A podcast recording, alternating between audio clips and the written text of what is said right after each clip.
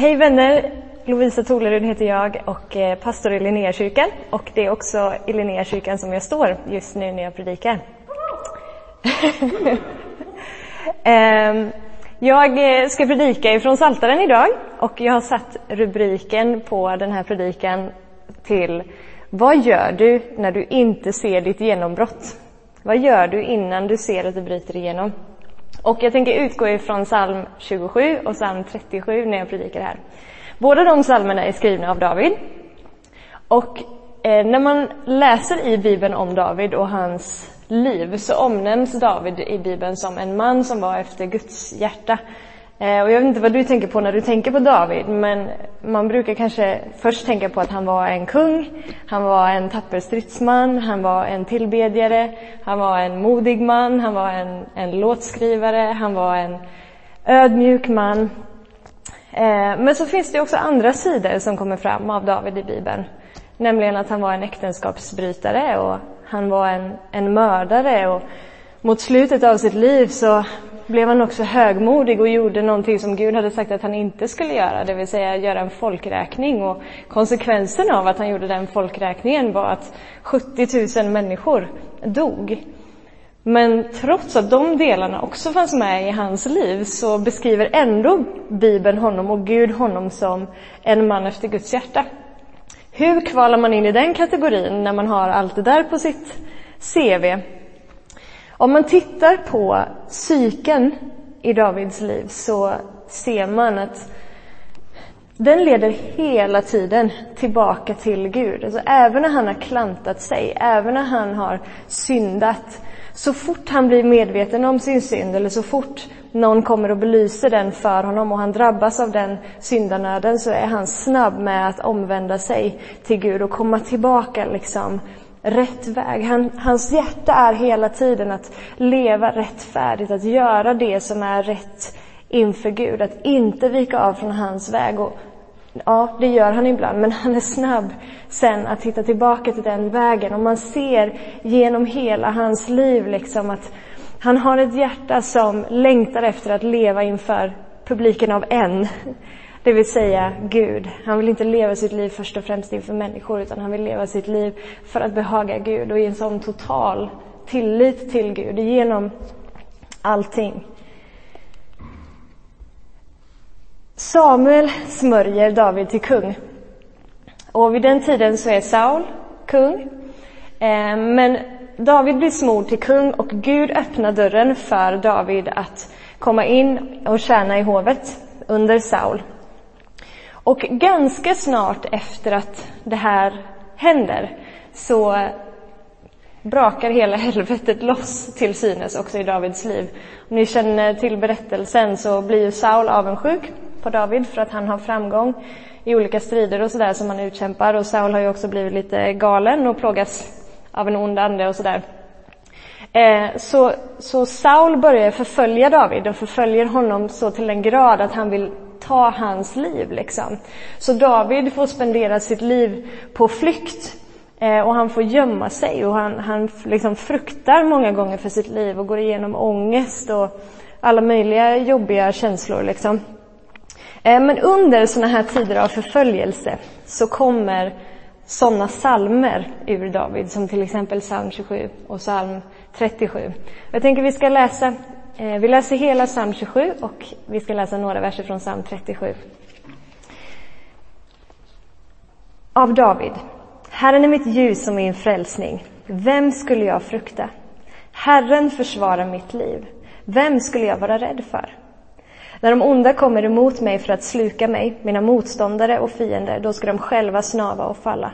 Om en här belägrar mig räds inte mitt hjärta. Om krig bryter ut mot mig är jag ändå trygg. Ett har jag begärt av Herren, detta söker jag. Att få bo i Herrens hus i alla mina livsdagar för att se Herrens ljuvlighet och söka honom i hans tempel. Han gömmer mig i sin hydda på olyckans dag, han beskyddar mig i sitt tält, han för mig upp på klippan. Nu är mitt huvud högt över mina fiender omkring mig. Jag vill offra jublets offer i hans tält. Jag vill sjunga och spela till Herren. Herre, hör min röst när jag ropar, förbarma dig över mig och svara mig. Mitt hjärta tänker på ditt ord. Sök mitt ansikte. Ditt ansikte, Herre, söker jag. Dölj inte ditt ansikte för mig. Avvisa inte din tjänare i vrede, du som har varit min hjälp. Släpp mig inte, överge mig inte, du min frälsningsgud. Om min far och min mor överger mig tar Herren emot mig. Visa mig, Herre, din väg, led mig på en jämn stig för mina förföljares skull. Utlämna mig inte åt mina fienders vilja, för falska vittnen stiger fram mot mig och andas våld. Jag är viss om att få se Herrens godhet i de levandes land. Hoppas på Herren. Ja, var stark och frimodig i ditt hjärta och hoppas på Herren. Så läser jag också några verser ifrån psalm 37. Av David. Gräm dig inte över de onda, avundas inte de som gör orätt. Snart torkar de bort som gräs, vissnar som gröna växter. Lita på Herren och gör det goda. Bo i landet och lev i trofasthet och ha din glädje i Herren. Då ska han ge dig vad ditt hjärta begär. Anförtro din väg åt Herren och lita på honom. Han ska göra det. Han ska låta din rättfärdighet gå fram som ljuset, din rätt som middagssolen. Var stilla inför Herren och vänta på honom. Gräm dig inte över den som har framgång som ger upp onda planer. Släpp vreden och lämna ilskan. Gräm dig inte, det för bara ont med sig. De onda ska utrotas, men de som hoppas på Herren ska ärva landet. Ännu en liten tid så finns där ingen gudlös. När du ser på hans plats är han borta. Men de ödmjuka ska ärva landet och njuta stor frid.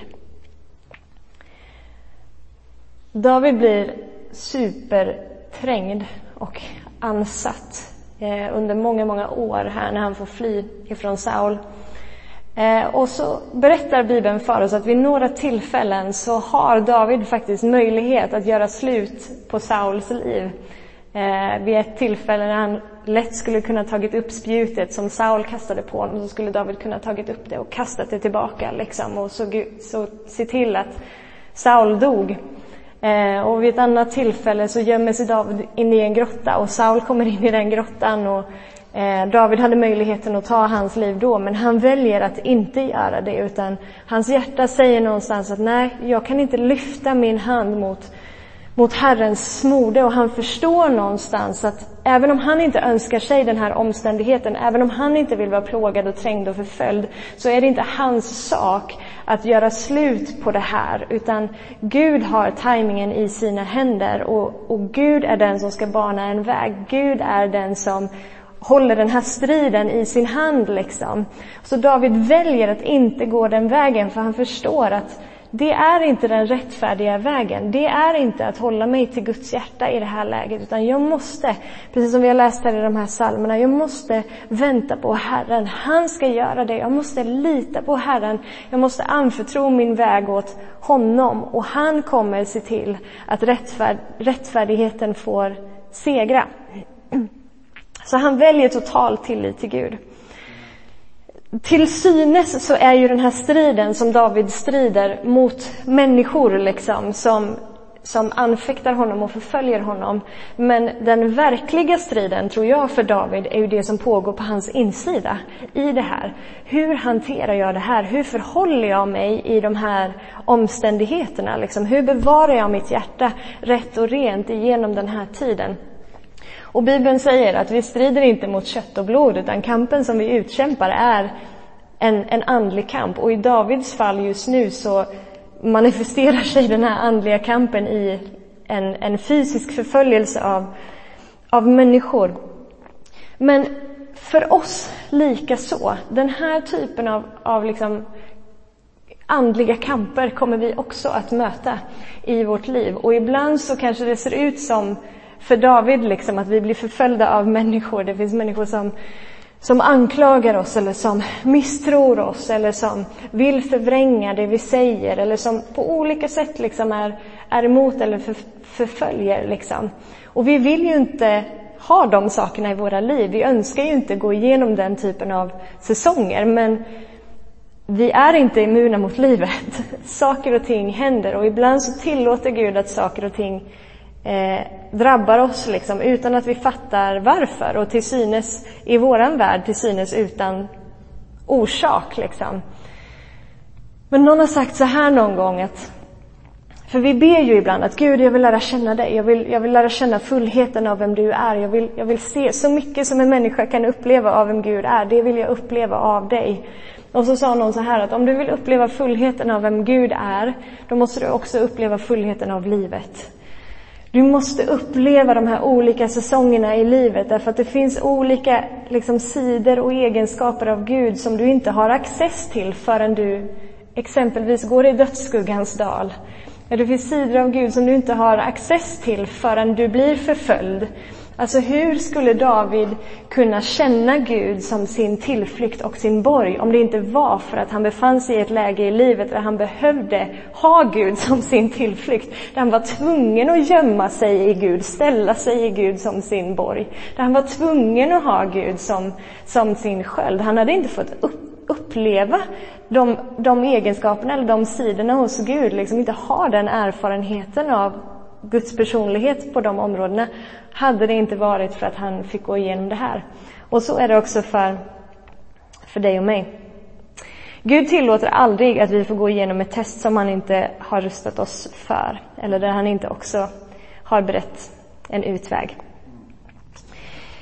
När David då eh, går igenom det här som är någon slags test på hans insida, liksom, så prövas hans karaktär. Hans hjärta prövas och han prövas i, kommer han att vika av ifrån rättfärdighetens väg?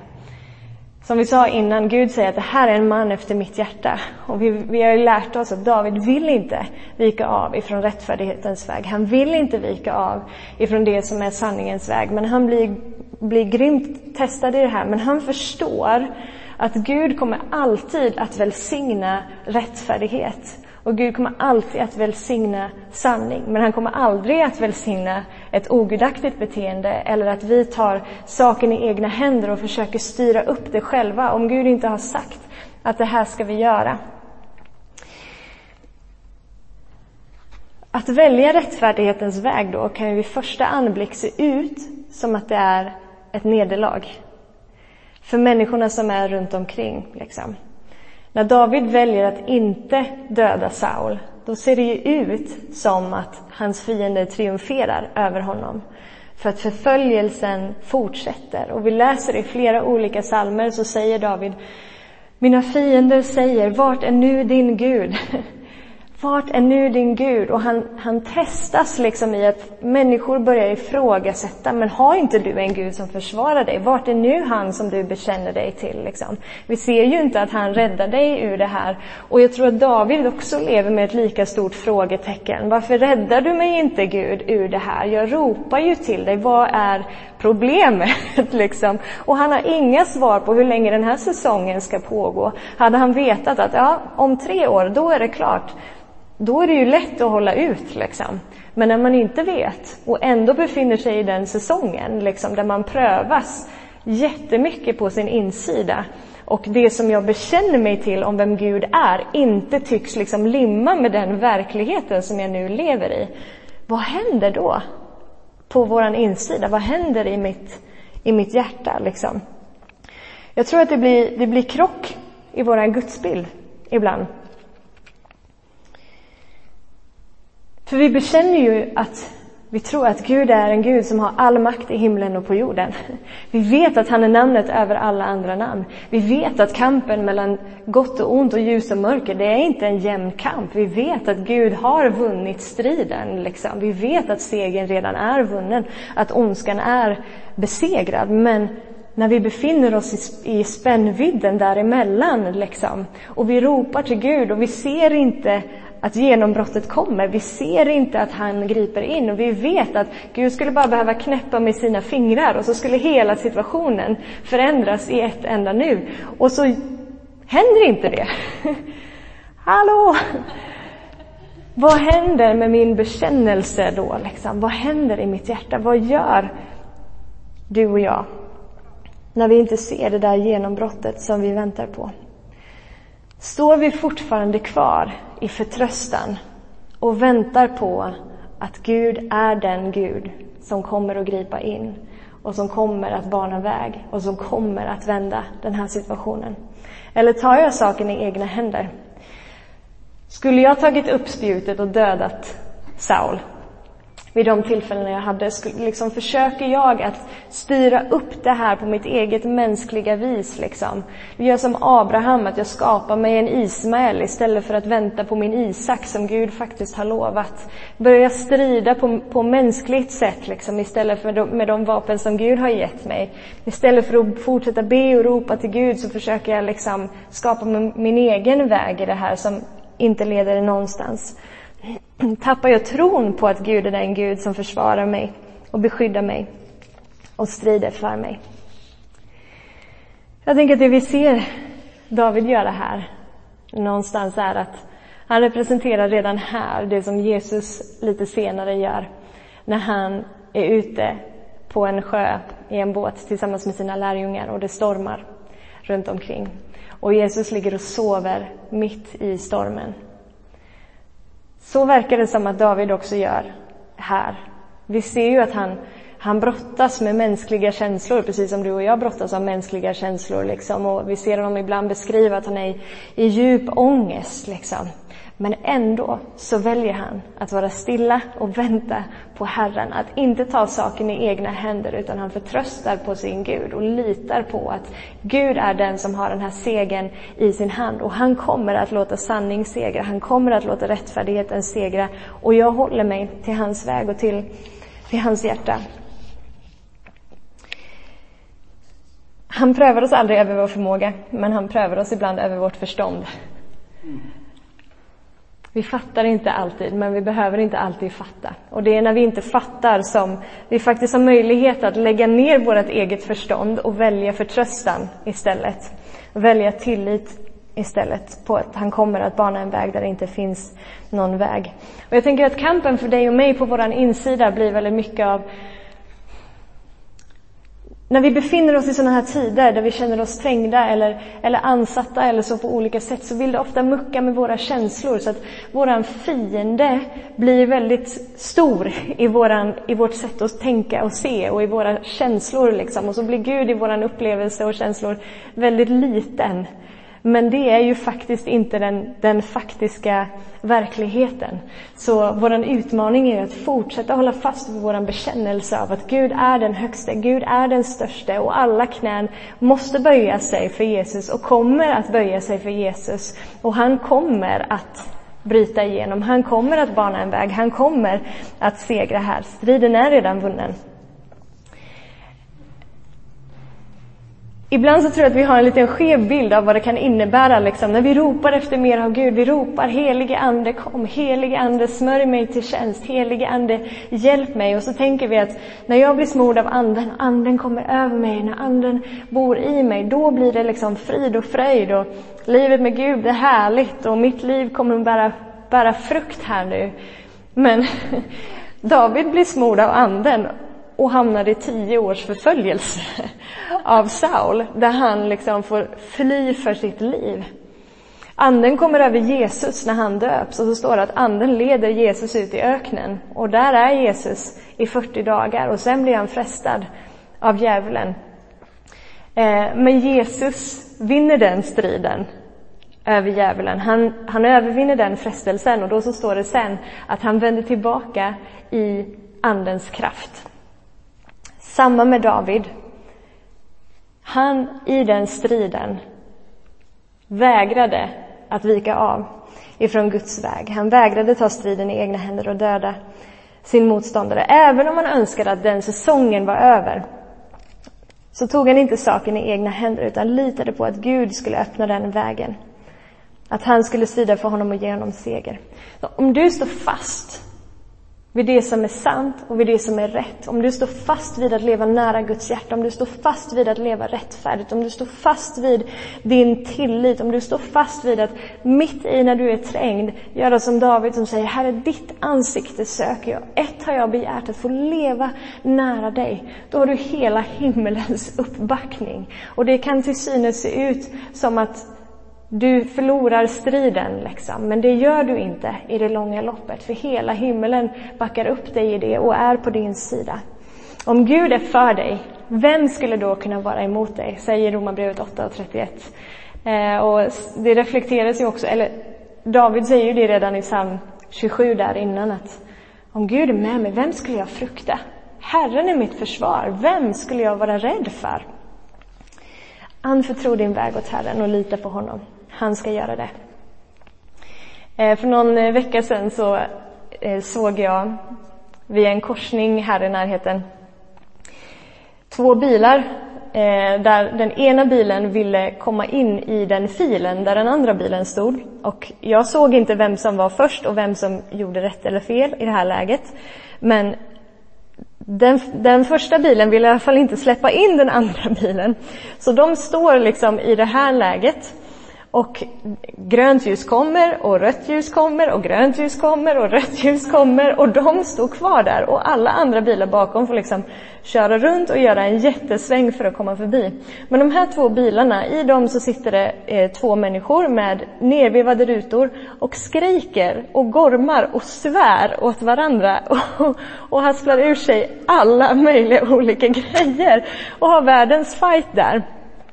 Och i världens ögon, alltså den här, den här världens logik säger ju att den personen som i det läget lägger sig och väljer att släppa in den andra är den svaga individen. Liksom. Den, den individen som lider nederlag, den, den, som förlorade fighten, det var den som fick ge med sig liksom, och släppa in den andra. Men i Guds logik så är det ju precis tvärtom. Den stora människan i det här läget är ju den som väljer att lägga sig. Den som väljer att göra det som är rätt. Den som väljer liksom att gå ödmjukhetens väg och faktiskt släppa in den andra. Det är ju vinnaren i Guds värld. Så även om det till synes ser ut som att fienden triumferar när vi gör det som är rätt, så är det inte så i Guds logik. Att välja rättfärdighet kan vid första anblick se ut som att vi lider nederlag, som att fienden triumferar. Men precis som Jesus som valde korset och det såg ut som att ondskan hade vunnit. Det såg ut som att mörkret hade triumferat när Jesus dör. Så var inte det sista kapitlet i boken. Det fanns en annan utväg. Gud gjorde en väg där det såg ut att inte finnas någon väg. Det fanns en uppståndelse och döden var besegrad för alltid. Ondskan var besegrad för alltid. Rättfärdighet och sanning och godhet kommer alltid att segra. Så lita på honom, vänta på honom och han ska göra det.